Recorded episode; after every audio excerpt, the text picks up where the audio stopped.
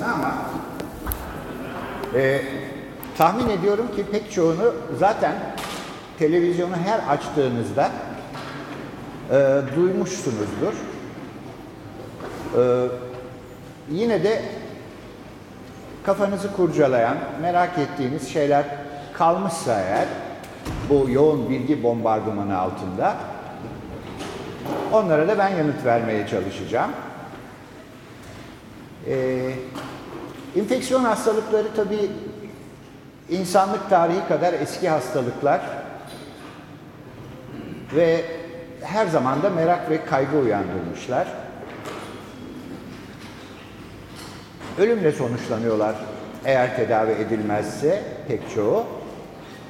Bir bölümü kendiliğinden geçiyor. Bir bölümünün farkına bile varmıyoruz. O hastalığı geçirdiğimizi bilmiyoruz. Yani biz ona klinik spektrum diyoruz. Klinik yelpazesi oldukça geniş olan bir hastalık grubu. Klinik formları çok farklı olabiliyor. Şimdi karşımıza çıkan infeksiyon hastalığı da aslında çok tanımadığımız bir hastalık değil. Bir solunum sistemi hastalığı. Benzerlerinin farkındayız. Hatta etkeninin de farkındayız. Bir koronavirüs olarak. Ama bu onların içinden çıkmış yeni bir üye. O nedenle merak konusu oldu ve kaygı konusu oldu. Ve gündemimize oturdu. Bütün dünya koronavirüsle oturuyor, koronavirüsle kalkıyor. E biz de öyle. Dolayısıyla böyle bir bilgilendirme toplantısına gereksinim duyulmuş. E, Ben de seve seve geldim. Aslında oturarak mı anlatsam daha mı iyi olur? Buranın düzeni galiba öyle.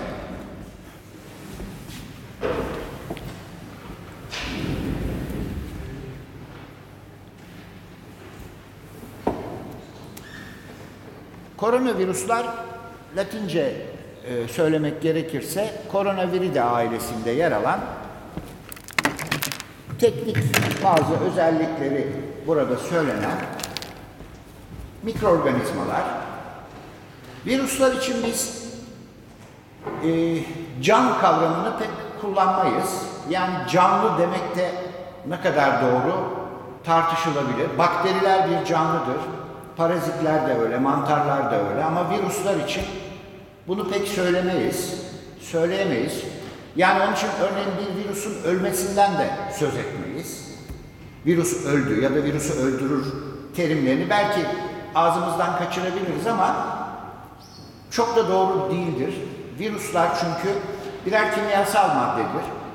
Ya işte dezoksiribonükleik asittir ya ribonükleik asittir. Yani DNA veya RNA'dır. Ve işte onları e, onların üzerindeki bir takım e, kromozomları, bir takım genetik yapıları e, yönlendirir ve o yapılar e, ele geçirdikleri konak hücresindeki burada bizim konaktan kastettiğimiz insandır. Konak hücresine kendini çoğaltılır. Yani kendisi kendi, kendi kendine çoğalmaz. Böyle bir mikroorganizma türüdür virüsler ve koronavirüsler de elbette böyledir. Birçok canlıyı infekte edebilirler ama her canlının koronavirüsü kendinedir. Yani insana ait olanları vardır, yarasaya ait olanları vardır, domuza ait olanları vardır. Burada gösterilen birçok hayvan için koronavirüsler tanımlanmıştır.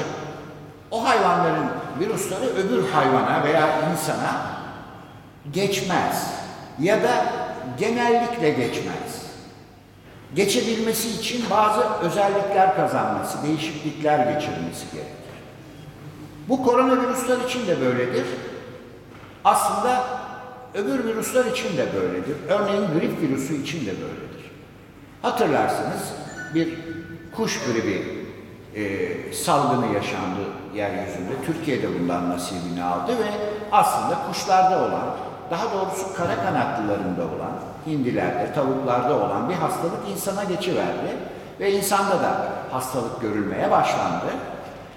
Bu kolay bir şey değil ama mümkün. Ayrıntıları merak ederseniz daha sonra da anlatabilirim. Ama sonuç olarak hayvanlardan insanlara geçiş o kadar kolay değil, onu söylemeliyim. Bizim kendi koronavirüslerimiz zaten var. Onlar burada listelendi. Bir takım kod adlarıyla anılıyorlar. Dört tane soğuk algınlığı yapan koronavirüsümüz vardı. Bunları biliyoruz. Nezle yapıyorlar basitçe. Ama daha ağır tablolara yol açan iki tane koronavirüs daha vardı. SARS ve MERS bu kısaltmalarla tanındılar. Bunlar bizim ülkemizde görülmediler. Dolayısıyla pek gündemimize girmediler. Fakat 2002'de görülen SARS'ı, 2012'de görülen yani 10 yıl kadar sonra görülen MERS izledikten sonra yepyeni bir koronavirüs sahneye çıktı yeryüzünde.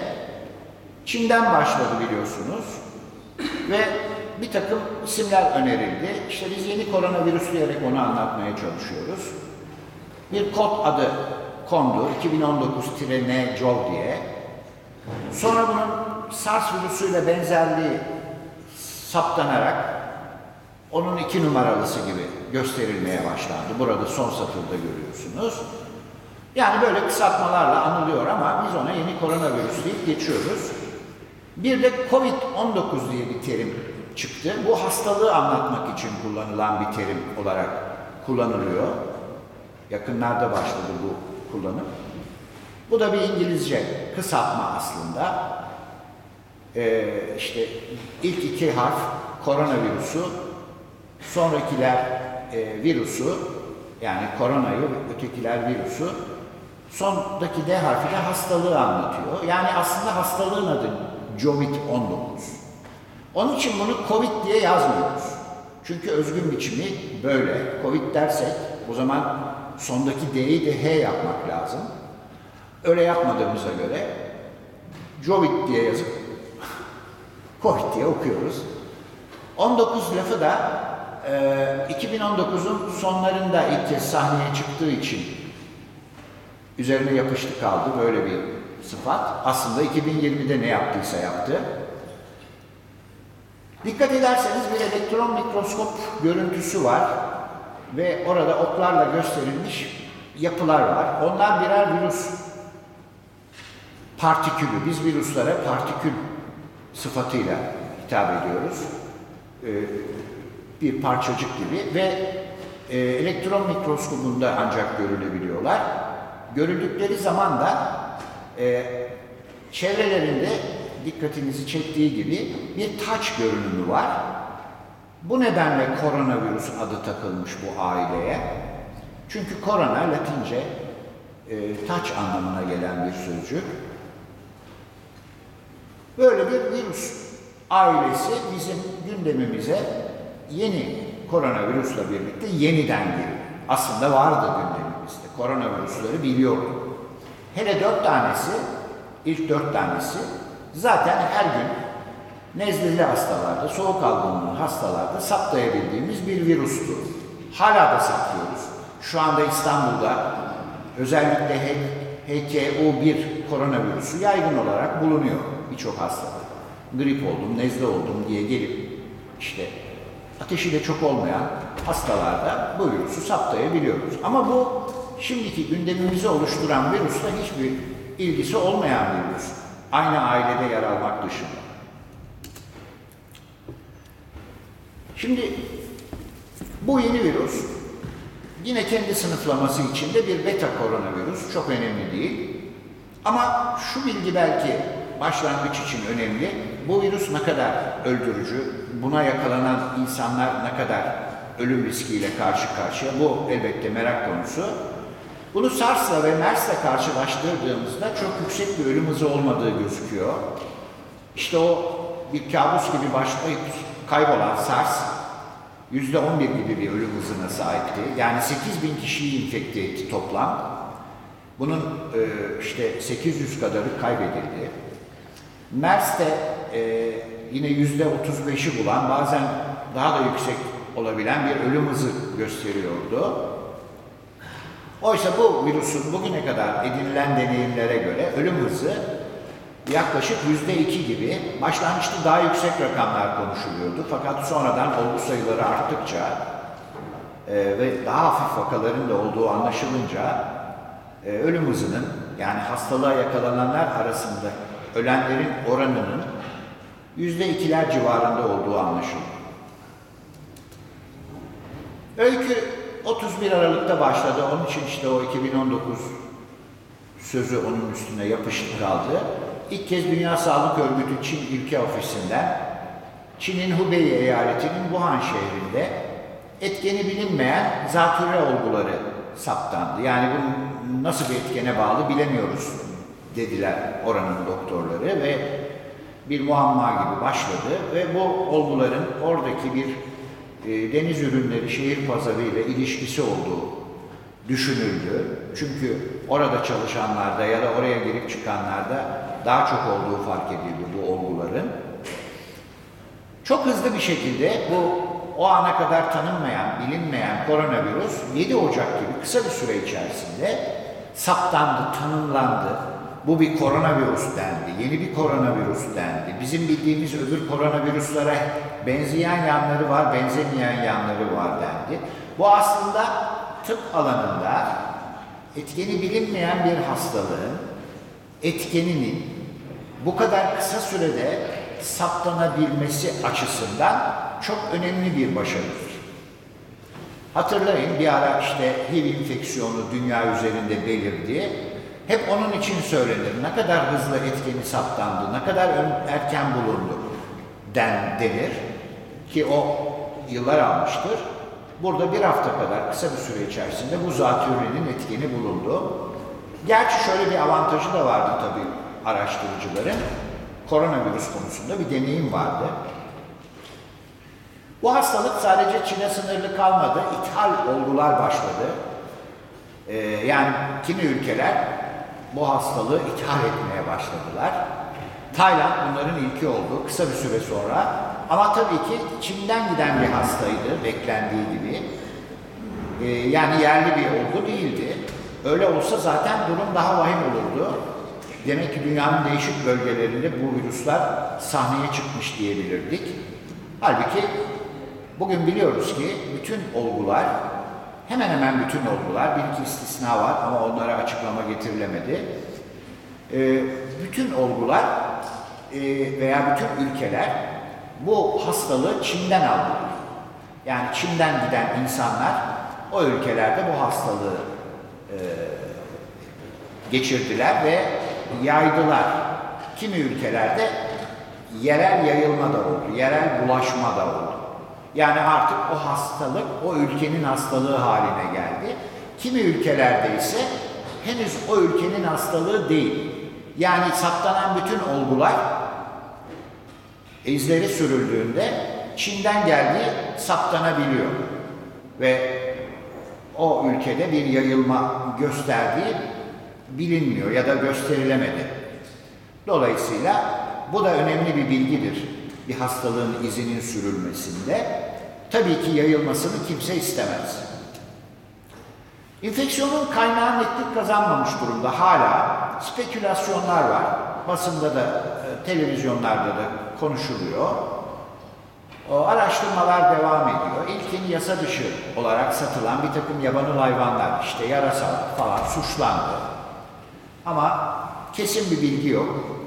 Yine son zamanlarda bir karınca yiyen, e, pul, bu karınca yiyen diye Türkçe'de karşılığı olan bir e, memeli türü böyle bir suçlandı. Hay, yani sonuçta bir hayvandan çıktığı e, kesin çünkü insanların tanışmadığı bir virüs. İnsanlarda e, bugüne kadar olsaydı zaten bu kadar çok sayıda insan hastalanmazdı. Bir kısmi bağışıklık olurdu ve toplumun e, bir bölümü bu hastalığa karşı e, e, dayanıklı olurdu. Oysa şimdi anlıyoruz ki başka bir canlıdaki bir virüs muhtemelen de bir mutasyon geçirerek insana adapte oldu ve insanda da hastalık yapmaya başladı. Tabii insanda hastalık yapabilmesi bir virüsün e, insanlar arasında yayılması anlamına gelmez. Yani hayvandan insana bulaşır ama insanlar arasında yayılmaya başlaması için de bir başka değişiklik geçirmesi gerekir. Demek ki hayvanların virüslerinin insanlarda hastalık etkeni olmaya e, başlaması ve artık kendine insan konağını e, seçmeye başlaması için iki aşamalı bir süreç var. E, ve bu iki ayrı mutasyon demek aslında. Yani genetik değişiklik demek. Çünkü mikroorganizmaların e, konak hücrelerine tutunmaları, onlardaki bir takım reseptörlere tutunmaları onların genetik özellikleriyle sağlanan bir durumdur. Ve bu özellik yoksa da o zaman o mikroorganizma ya da bu özel virüs o insana ya da o konağa zarar vermez. Ama o değişikliğe sahipse, geçirmişse o değişikliği ki bu değişiklikler spontan olarak kendiliğinden olur ve aslında evrimin bir kanıtıdır. Bugün için virüslerin geçirdikleri bu değişiklikler o kadar hızlı olmaktadır ki hani başka canlılarda olduğuna pek inanasınız gelmeyen evrimi virüsler üzerinde çok rahat gözleyebiliyoruz.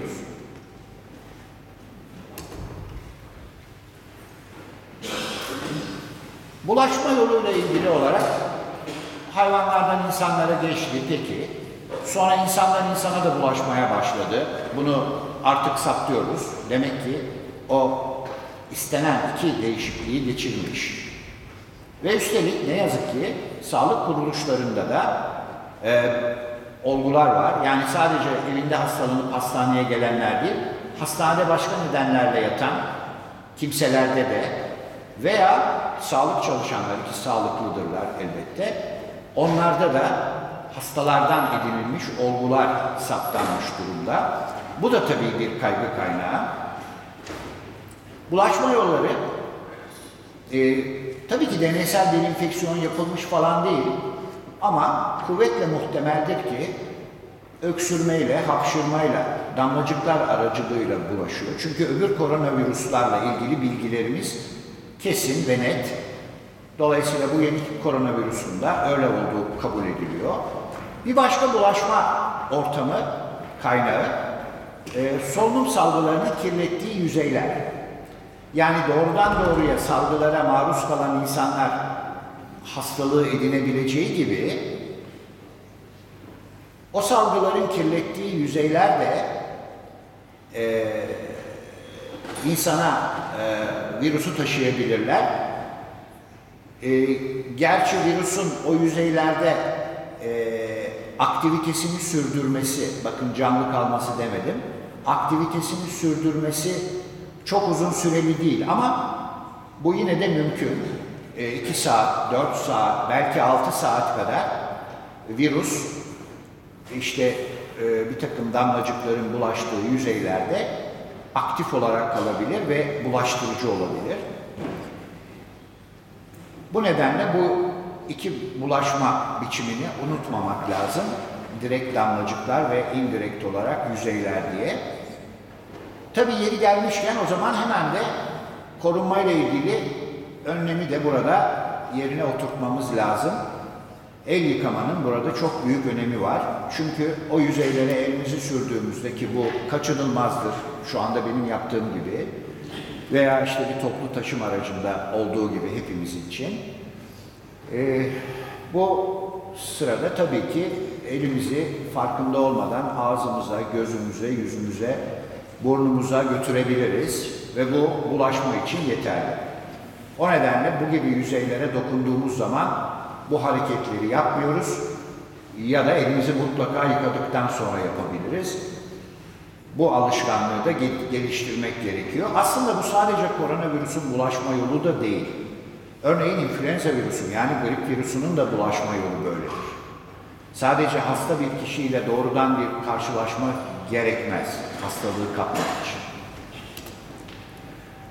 Bu hastalığın bir kuluçka süresi var elbette. Bütün enfeksiyon hastalıklarının bir kuluçka süresi vardır. Yani mikroorganizmanın edinilmesinden sonra hastalığın belirti vermeye başladığı bir e, süre geçer. Bu örneğin HIV enfeksiyonu için yıllar sürer. O da bir virüs hastalığıdır. Ama e, koronavirüs için e, iki gün kadar kısa olabilir. Birçok solunum yolu virüsü için böyledir. Örneğin SARS için, MERS için en fazla 4 gündür. Oysa bu virüs için biraz daha uzun 14 gün. Yani belirti vermeye başlaması için 2 haftaya kadar uzayabiliyor. Bu da önemli bir bilgi elbette.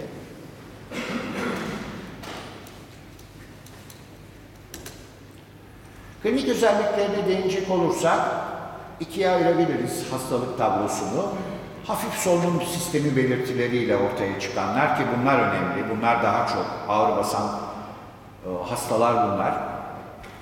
Ateşi olan, öksürüğü olan, solunum sıkıntısı olan hastalardır bunlar. Daha ağır olan hastalar e, bir pnömoni, bir zatürre tablosu içine girerler. Bizim ARDS diye kısalttığımız özel bir tabloya bürünebilir klinik durum. Akut solunum sıkıntısı sendromu diyoruz. Ya da e, başka organ sistemlerini etkileyen, yani sadece solunum sistemini değil, başka organ sistemlerini de etkileyen yetmezlik tabloları gelişebilir. Böbrek yetmezliği başta olmak üzere. Ve elbette böyle hastalar kaybedilebilir. Bu hastalar bu virüsün doğrudan verdiği zararla e, ölebilecekleri gibi altta yatan hastalıklarının alevlenmesi sonucunda da kaybedilebilirler. Yani eğer eşlik eden bir rahatsızlığı varsa o bireyin ve o onu bir şekilde dengede tutarak hayatını sürdürüyorsa araya giren bu enfeksiyon o, onun o altta yatan hastalığının dengesinin bozulmasına ve alıp başını gitmesine hani tabiri caizse yol açar ve ölümüne yol açabilir. O nedenle de tatsız bir durumdur. Onun için biz örneğin grip için hep aşı tavsiyesinde bulunuruz. Risk gruplarına özellikle bulunuruz. Çünkü o risk grupları gribe yakalandıkları takdirde altta yatan o hastalıkları onu çok zor durumlara sokabilir. Benzer durum koronavirüs için de geçerlidir. Ama koronavirüsün ne yazık ki henüz bir aşısı yok.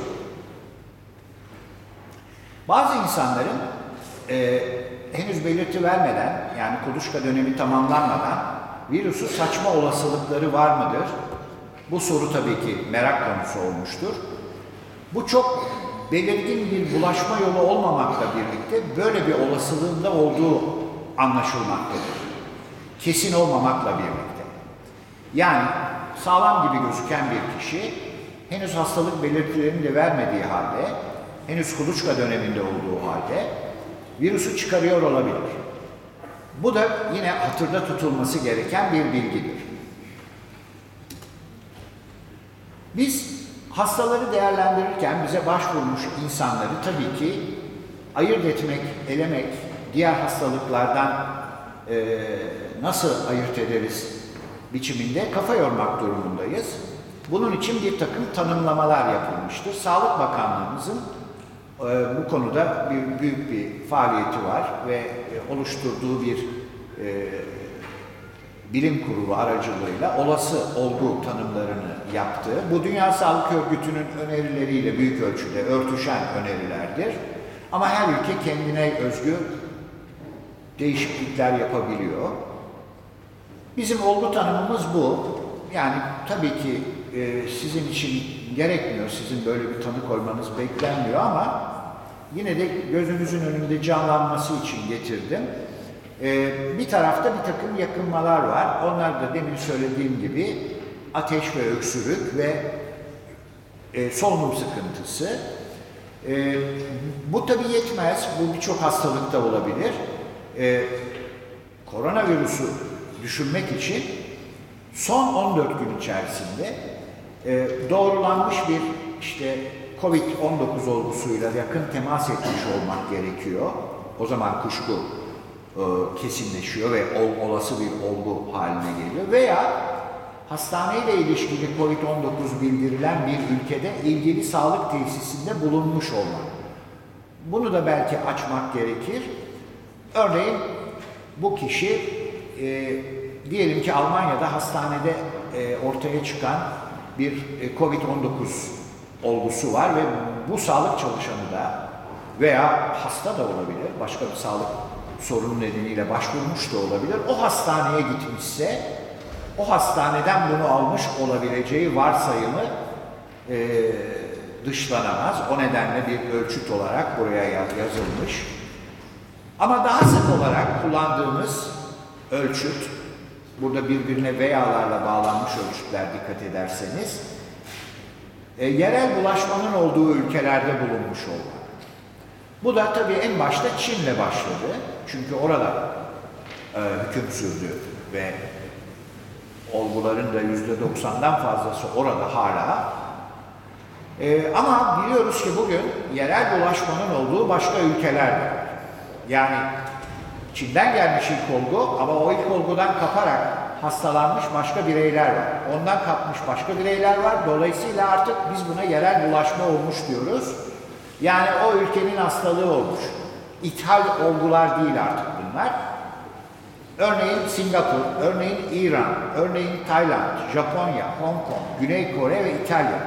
Bu liste biraz daha genişledi ve muhtemelen Sağlık Bakanlığı henüz daha güncellemedi ama başka ülkelerden gelmiş olmak da e, bir risk faktörü veya bir kriter haline gelecek yakında.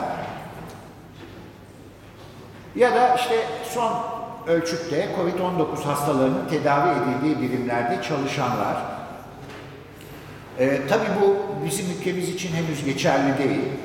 Yarın bir gün hastalık görülürse, biliyorsunuz şu ana kadar bildirilmedi ve hangi hastaneler bu hastalığı takip ettilerse tabii oradaki bütün sağlık çalışanları da e, uygun semptomları göstermek kaydıyla yani slaytın öbür tarafındaki tabloyu sergilemek kaydıyla e, olası vaka haline gelecekler.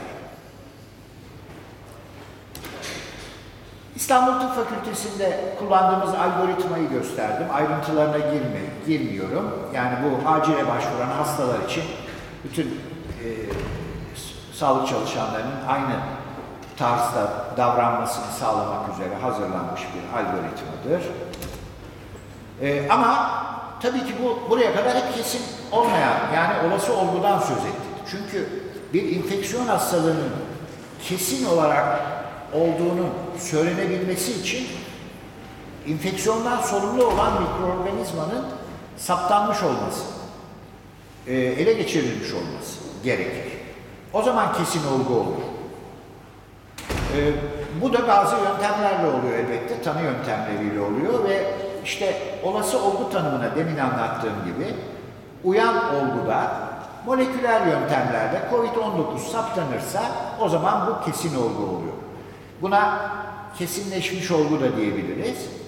Ve bugün dünya üzerinde var olduğu sayı, e, söylenen e, sayılar, şu kadar olgu var, bu kadar olgu var diye konuşulan bütün rakamlar aslında kesinleşmiş olgulara aittir. Elbette olası olgular da vardır. Biliyorsunuz medyada yer aldı. İstanbul'da da olası olgular vardı. Ee, biz de izledik ama onlar doğrulanmadı. Yani moleküler yöntemler negatif olarak sonuçlandı ve o hastalar evine gönderildi. Bu, bu yönden kesin olgu önemli. Ama şurası bir gerçek ki başka bir solunum yolu virüsü saptanmış olabilir hastada veya bir bakteri saptanmış olabilir ama o hasta hala COVID-19 olabilir. İki, iki mikroorganizma bir kişide olmayacak diye bir şey yok. Hele içinde bulunduğumuz mevsimde solunum yolu virüslerinin hani hepsinin birden aktif olduğu bir dönemde. Korunma ile ilgili olarak Sağlık Bakanlığı'nın önerilerinin üzerinden gideceğim. Çünkü bunlar herkesin üzerinde uzlaştığı öneriler. El hijyenine önem verilmeli. Eller en az 20 saniye boyunca sabun ve suyla yıkanmalı. Bunu şimdi nasıl olsa Covid-19 yok buna ne gerek var diye düşünmemek gerekir. Genel olarak bütün solunum yolu virüslerinden korunmanın bir aracıdır bu. Sabun ve suyun olmadığı durumlar olabilir.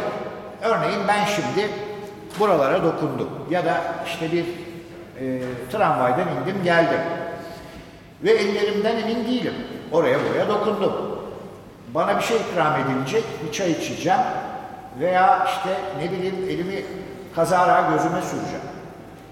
Bu davranışlara elbette yeltenmeden mutlaka bir yolunu bulup ya bir lavabo bulmalıyım, elimi yıkamalıyım. Çoğu kez mümkün olmayacağı için de hızlı el antiseptiklerini kullanabilirim. Bunun için doğru dürüst bir kolonya da yeter aslında. Yani normal %70 alkol içeren bir kolonya da yeter. Ee, ama ticari olarak da bu antiseptikler temin edilebiliyor ve birçok kuruluşta bulunduruluyor. Onun dışında sınıflar ve iş yerleri başta olmak üzere kapalı alanların sık sık havalandırılması artık bundan sonra mümkün olabilir sanıyorum mevsim itibariyle. Bu da tabii ultraviyolenin içeriye girmesine izin verileceği için önemlidir. Çünkü camdan ultraviyole geçmez ve virüsleri inaktive etmez. Bu arada tabii hep duyuyorsunuz değişik e, otoriteler bağışıklık sistemini güçlendirmek için çeşitli yöntemler öneriyorlar. Bizim önerdiğimiz biricik yöntem dengeli beslenmek, sağlıklı beslenmek. E, buna dikkat etmek gerekiyor. Her zaman gerekiyor ama bu, bu dönemde daha çok gerekiyor. Onun dışında da e, bütün yiyeceklerin, özellikle çiğ tüketilecek olanların e, iyi yıkanması önemli. Bu arada bütün e, solunum yolu virüslerini azaltmaya yönelik önlemleri yeni koronavirüs için de önerdiğimizi demin de söyledim. Bir kez daha altını çizmiş olalım. Öksürme veya hapşırma sırasında ağız ve burun tek kullanımlık bir mendille kapatılmalı. Eğer mendil yoksa burada gösterildiği gibi dirseğin iç kısmı kullanılmalı. Yani elimize hapşırmamalıyız, elimize öksürmemeliyiz. Çünkü ellerimizi kirletmiş oluruz ve biraz sonra tokalaşacağımız ya da kucaklaşacağımız arkadaşımıza o salgıları transfer etmiş oluruz. Tabi salgı demek virüs demek değildir ama salgının içinde e, virüs e, bulunur ve sonuçta o salgı kuruyuncaya kadar yani e, virüs e, kuruluğa dayanıksızdır doğru ama belli bir nem olduğu sürece virüs aktivitesini koruyacaktır. E, tokalaşma ve sarılmadan kaçınılması genel olarak tavsiye ediliyor. Kalabalık ortamlardan uzak durulması tavsiye ediliyor. E, bu arada tabii kirli ellerle ağız, burun ve gözlere dokunulmaması gerektiğini unutmuyoruz. Bazı standart infeksiyon kontrol önlemleri var. Bunlar belki e, sizin için e, gerekli olmayabilir ama ben sağlık çalışanlarının böyle bir duyarlılık içinde olduğunu bilmeniz açısından da bunu göstermek istedim. Bizim kendi infeksiyon kontrol komitemizin kendi sağlık çalışanlarımıza yönelik olarak önerdiği önlemlerdir. Burada özellikle e, önemli olan gö- maske kullanılması. Çünkü maskeyi e, hastanın solunum salgılarına maruz kalınma olasılığı varsa takmayı öneriyoruz.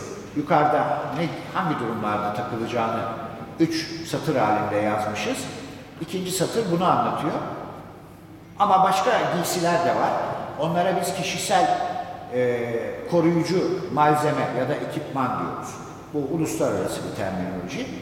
İşte eldiven, önlük ve maske.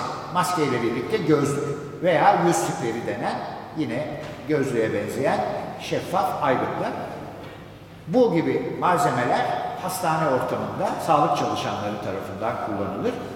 Maske de şu anda damlacıklardan korunmak için başlıca korunma aracımızdır. Bu kişisel koruyucu malzemelerin kullanımı ile ilgili değişik kurallar vardır. Bunları size anlatacak değilim. Sağlık Bakanlığı'nın sitesinde de bunlara ulaşılabilir. Maske demişken hazır sürekli karşılaştığımız bir konu bu. E, siz aklınızdan geçirmeseniz de haberlerde boyuna karşınıza çıkıyor veya internette karşınıza çıkıyor. Ee, hangi maske? Ee, gerçekten maske konusu biraz fazla e, abartılıyor ve biraz fazla suistimal ediliyor. Aslında e, solunum yolu virüsleri, buna grip virüsü de dahil, damlacıklarla bulaşır, doğru. Ama bu damlacıkların büyüklüğü 5 mikrometre ve üzerindedir. Yani bu virüslerin bulaşması bu damlacık, bu büyüklükteki damlacıklarla olur. Dolayısıyla daha küçük damlacıkları ki onlara damlacık demiyoruz, onlara damlacık çekirdeği diyoruz ya da aerosol diyoruz. Bunlarla e, yayılan mikroorganizmalar da var. Bunlarla taşınan mikroorganizmalar da var. Ama koronavirüs onlardan birisi değil. Dolayısıyla bizim basitçe cerrahi maske dediğimiz ya da bazılarının tıbbi maske dediği bu maskeler koronavirüsler de dahil olmak üzere solunum yolu virüslerinin hastanın öksürüğüyle, hapşırığıyla, konuşmasıyla, gülmesiyle saçılmasına engel olmak için yeterlidir. Yeterli bir bariyer oluşturur. O nedenledir ki öbür türlü yani 5 mikrometreden daha küçük parçacıklarla ki damlacık çekirdeği demiştim. Bulaşan hastalıklar için alınan önlemler ya da onlar için kullanılan maske tipi burada gerekli değildir.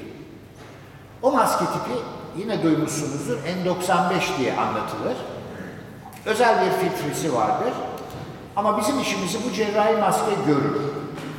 Ve dolayısıyla başka maskelere ki onlar erişilmesi daha zor maskelerdir. Daha e, şu anda üretimi de anladığım kadarıyla kısıtlı ve e, daha pahalı. Hiç gerek yok böyle bir maskeye. Merak edenleriniz için söylüyorum. Bu maske ne zaman lazımdır? Tüberküloz bulaşmasını engellemek için lazımdır. Hasta tüberkülozdur. Hasta, hastaya yaklaşacağınız zaman sizin bu maskeyi takmanız gerekir. Biz kendi servisimizde tüberkülozlu ama açık akciğer tüberkülozu olan. Yoksa üriner sistem tüberkülozu olan bir hastayı kastetmiyorum. Yani öksürüğüyle ilgili tüberküloz basilini saçma ihtimali olan bir kişinin odasına girerken biz bu maskeyi takarız. Cerrahi maske bu işe yaramaz. Tabii bu meslektaşımız, ben bunu internetten buldum bilmiyorum meslektaşımız mı, bir kurgu mu? Ee, ama bunu böyle e, bir yanlışı bulunuz şeklinde e, koymamışlardı internete. Ben bir yanlış gördüğüm için buraya getirmeye değer buldum. Evet, meslektaşımız hastasının öksürdüğünü öğrenir öğrenmez ona bir cerrahi maske takarak en azından çevreyi korumuş oluyor. Doğru bir davranış. Eylem doğru. Kendisi de öksüren hastaların e, saçacağı damlacıklardan korunmak için gözlük takmış. Bu disposable bir gö gözlüktür ama silinerek defalarca kullanılabilir. E, mikadır adeta ama şeffaftır. Fakat maskenin takılışına bakın. Burun açıkta. Maske böyle takılmaz. Yani böylece hani e, tamam hastaya maske taktım bir şey olmaz bana diye düşünebilir ama takmadan önce de öyleydi muhtemelen. Ve dolayısıyla saçacağı damlacıklara burun yoluyla açık haldedir bu kişi. Peki bir mesafe var mı? Yani ne kadar mesafeden bu damlacıklar saçılabilir ve insana erişebilir? Çünkü gözüne, e, ağzına, burnuna oraya erişmesi lazım. Bir metre. Yani bir metreden daha uzun. Bazıları bunu iki metreye kadar çıkarabiliyor. İki metreden daha uzun. Örneğin benimle şu anda en öndeki arkadaşlarımız arasındaki açıklık benden ona herhangi bir zarar gelmeyeceğinin garantisi olabilir. Ben hasta olsam bile. Bu mesafe benim konuşmam sırasında saçtığım damlacıklar öndeki arkadaşlara erişemez. Ne olur?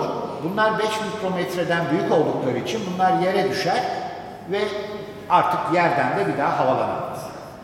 Dolayısıyla herhangi bir risk taşımaz. Kuruyunca da zaten virüs inaktive olmuş.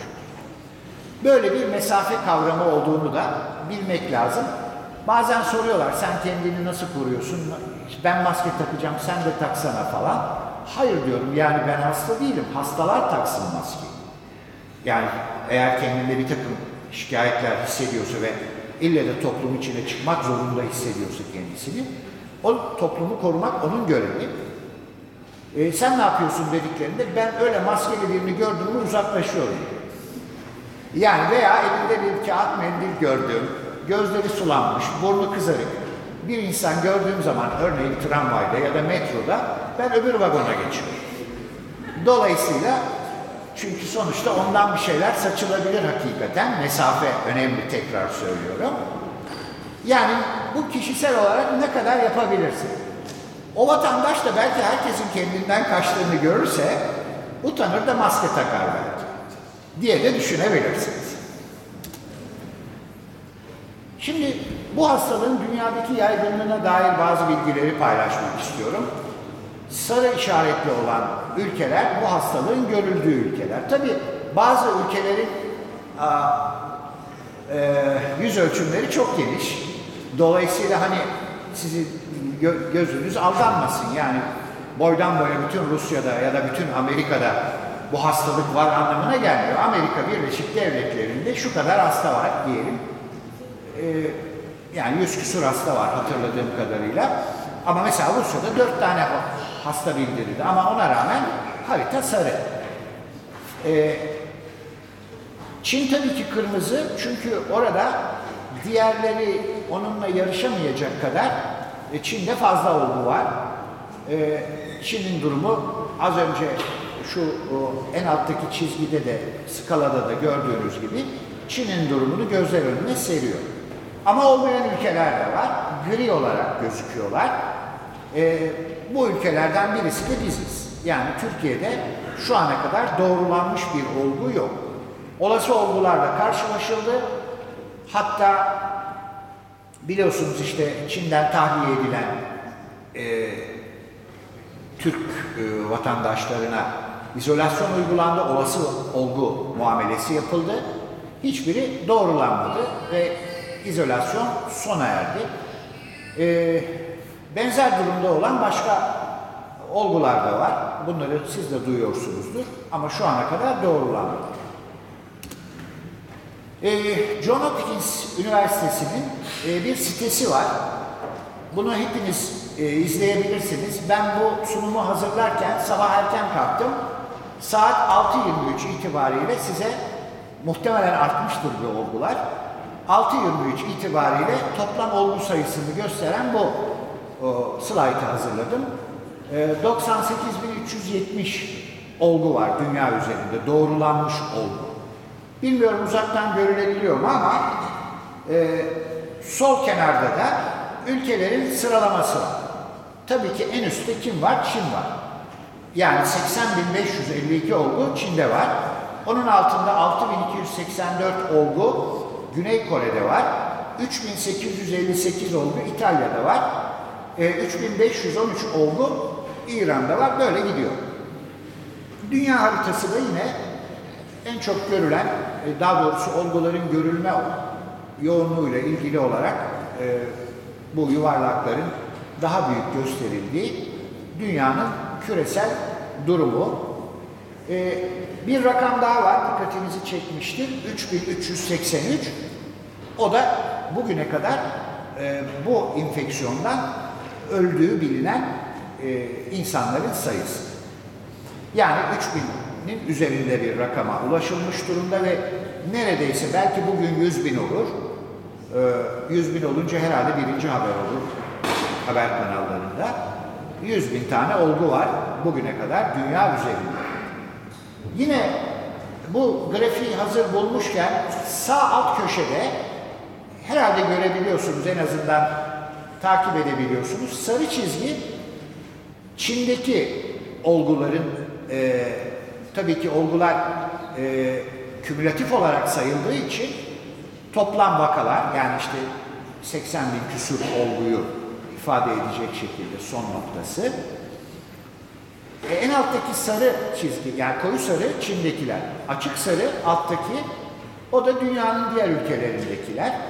olacak şekilde gösteriyor. Aradaki yeşil çizgi ise iyileşen olguların sayısını. Yani bu hastalıktan paçasını kurtaranlar diyebiliriz. O rakam da 55.418. Merak edenler bu siteye girsin tavsiye ederim. Her dakika değişiyor. Numaratör atıyor ve olgular bir şekilde artıyor. Bu da benim yine o demin sol kenardaki o ülkelere göre dağılımdan çıkardığım yine en güncel olgu sayıları. Bunları tek tek okumayacağım ama zaten göremiyorsunuz muhtemelen. Ben bir en baştan okuyayım. 80 bin olgu Çin'de var. İşte e, Kanada'da var 37 olgu. 12 tane Çek Cumhuriyeti'nde. 5 tane Meksika'da var. E, 4 tane Filistin'de var. E, bir tane Ukrayna'da var. Ayrıca sağ sütundakilerin hepsi birer olgu görülen ülkeler. E, işte Güney Afrika, Liechtenstein, e, Costa Rica vesaire.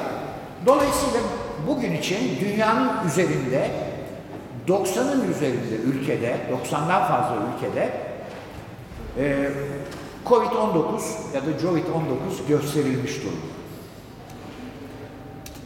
Bizim bir olduğumuz bile yok. Tabii bu hani imrenilecek bir durum değil. Onlar da var bizde yok diye imrenmiyoruz doğrusu ama kafamızda bir soru işareti de olmaya devam ediyor.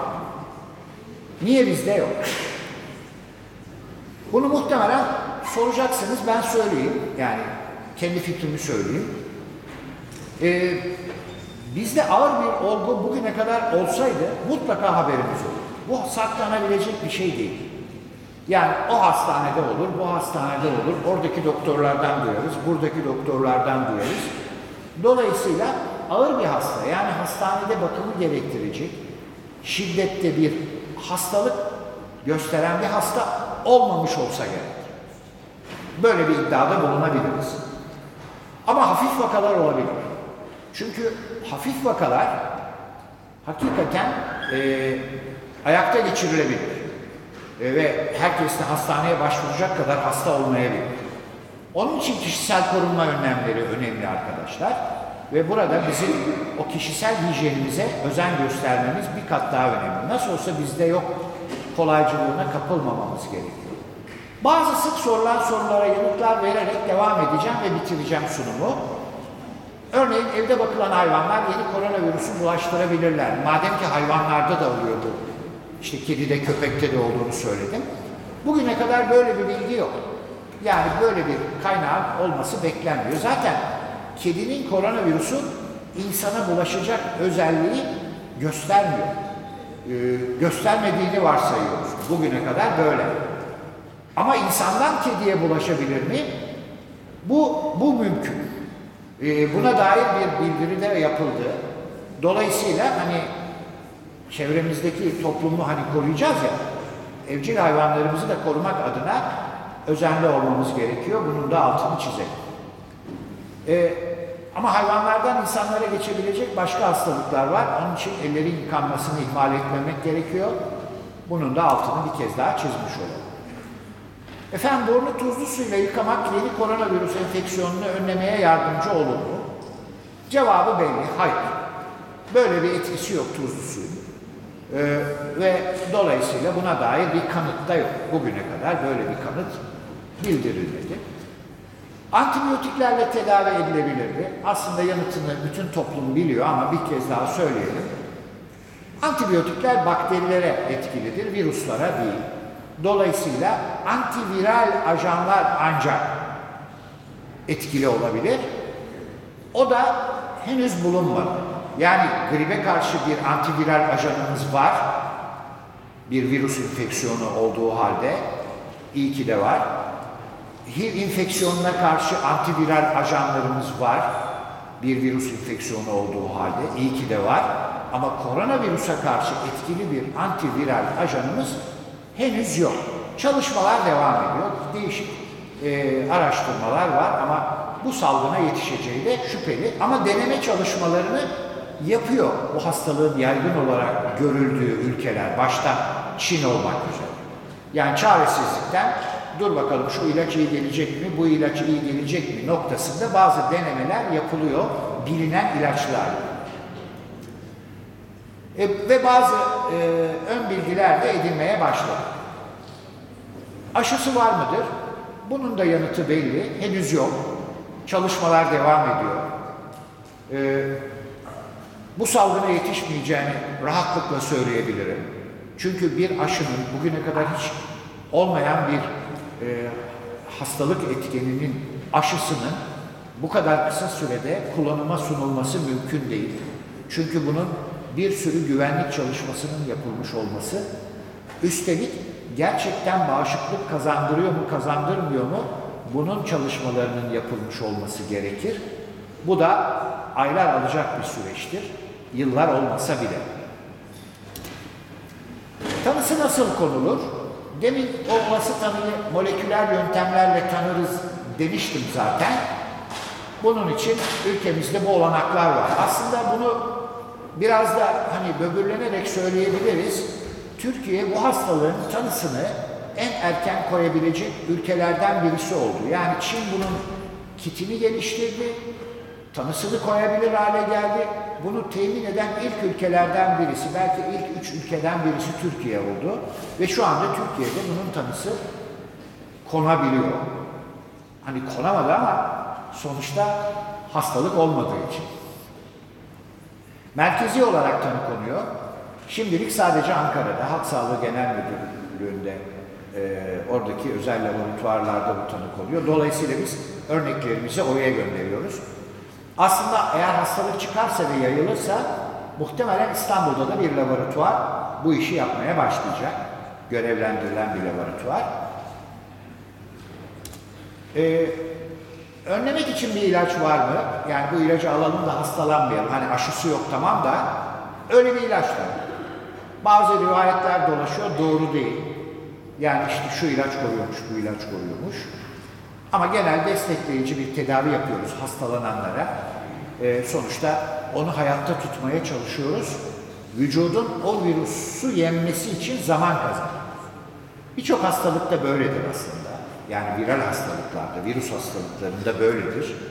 Burada da böyle yapılıyor. Örneğin yoğun bakım gereksinimi olan bir hastayı hemen yoğun bakım ünitesine kaldırıyoruz. Orada e, yapay solunum cihazına bağlıyoruz.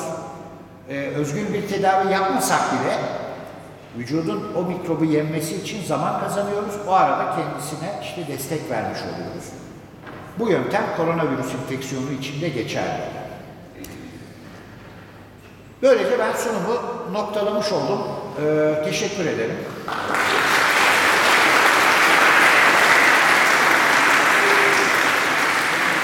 Ee, bilmiyorum ne kadar zamanınız var ama ben sorularınızı açıyorum her zaman. Ee, Sorularınızı sorabilirsiniz elbette. Süremiz ne kadar hocam?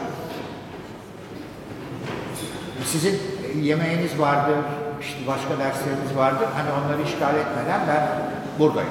Evet. Buyurun. Ben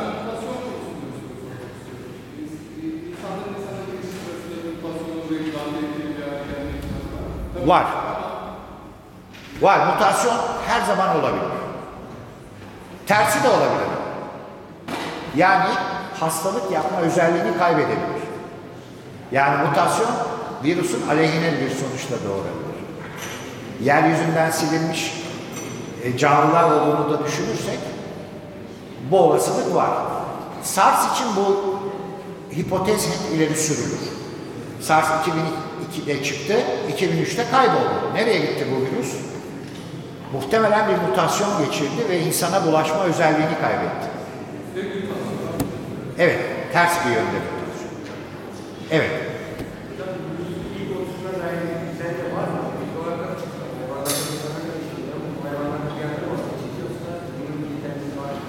O daha bilinmiyor. Yani hangi hayvandan kaynaklandığı bilinmiyor. Spekülasyonlar var. Genel olarak koronavirüslerle ilgili deneyimler yarasaların kaynak olabileceğini düşündürüyor. Ama bir yarasada izole edilip işte bak bu da insanda izole edilen bu ikisi de aynı diyecek bir bilgi henüz yok. Ama insanda olmadığını biliyoruz. Yani insanın e, yerli virüsü değil, insanı hastalandıran bir virüs değil. Bunu tahmin etmek çok da zor değil. Bu kadar çok duyarlı insan var çünkü. Virüsle karşılaşan insan nüfusu hani bazısı hafif, bazısı ağır ama mutlaka hastalanıyor. Dolayısıyla bu insanın virüsü değildi. Ama nereden çıktı? E yani bunu tahmin etmek de zor değil. Virüslerin o mutaj- mutasyona yatkın yapıları nedeniyle böyle bir mekanizma olsa gerek. Bunun günün birinde deneysel olarak gösterirler. Gösterilecektir. Evet.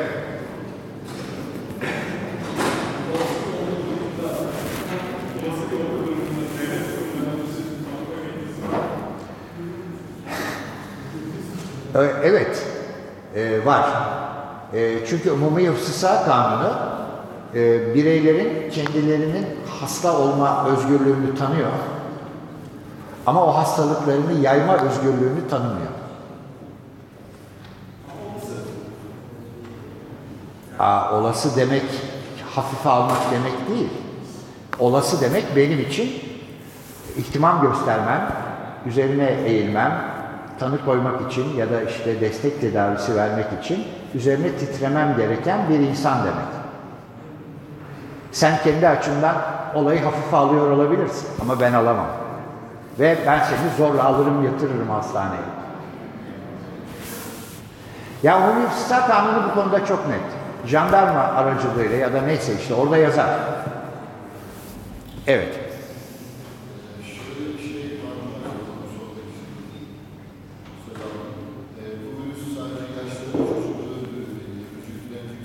Çocukları değil. İlginçtir.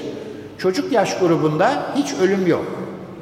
Çocukların hastalandığı vaki yani saptanmış ama ölen çocuk yok. En azından 15 yaşın altında çocuk yok.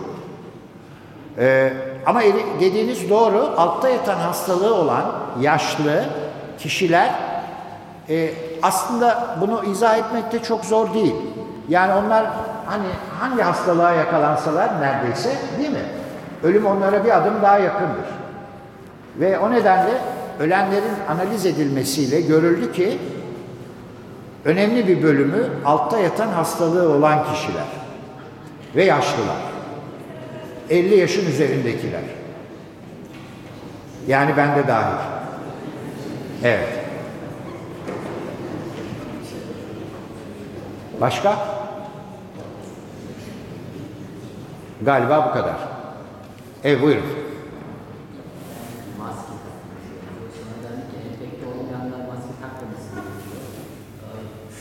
Maskeyi sadece hasta olanlar takıyor. Ama şu anda Covid-19 zaten yok. Dolayısıyla hani Covid-19 olduğu için takmıyorlar. Niçin takıyorlar? Solunum yolu enfeksiyonları olduğu için takıyorlar. Örneğin influenza oldukları için takıyorlar. O da önemli. Ha kazara yine de hafif bir Covid-19 da olabilir. Ben farkındaysanız satır arasında ona biraz hani açık kapı bıraktım. O kişi hafif geçiriyor olabilir. Tramvaya da biniyor olabilir. Ama bulaştırdığı kişi o kadar şanslı olmayabilir. Senin sorun hiç duyulmuyor ama. Yüksek sesle sor. mesela piyasada şu an antibakteriyel antibakteriyel Antibakteriyel adından da anlaşılacağı gibi antiviral değildir. Antiviral olan sadece alkoldür veya kolonya. Dolayısıyla alkol bazlı antiseptikler veya kolonya bu amaca hizmet eder. Antibakteriyel içerenler hayır. Ama yani o da ne bileyim tifoya karşı korur. İşte bakteriyel ishallere karşı korur. Yani elini gene de onunla silme diye söyleyemem ama ona güvenme. Evet. Hocam ben de bir soru sormak istiyorum. İran'dan ciddi şekilde korona vakaları tespit ediliyor. Türkiye'de görülmediğini söylediniz. Ben söylemedim, Sağlık Bakanı söyledi. Ve ben de bugüne kadar görmedim. Ha orasını söylüyorsan doğru, ben de görmedim. Çok fazla haber var, çok fazla videolar. Şimdi bakın, hakikaten saklanması mümkün değil. Yani sen duymasan ben duyarım, ben duymasam sen duyarsın. Yani bunun duyulmaması mümkün değil. Ee, yani biz kapalı bir toplum değiliz ki. Yani bak hani kapalı bir toplum olur, medya olmaz, işte hiçbir haberleşme kanalı olmaz. Tamam belki öyle bir şey olabilir. Örneğin Kuzey Kore'de yokmuş. Biz de hani Kuzey Kore değiliz yani. Çok şükür. Evet. Her neyse şimdi Kore aleyhtarlığı yapmış olmuyor. Evet. Bitti galiba.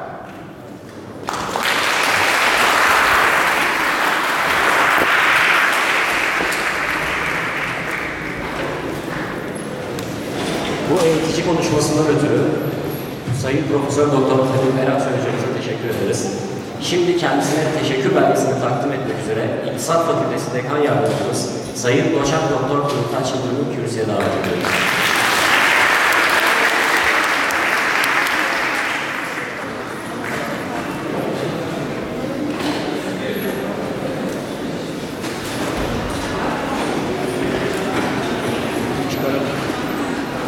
Bir sonraki etkinliğimizde görüşmek üzere. Siz değerli katılımcılarımıza saygı sunuyoruz.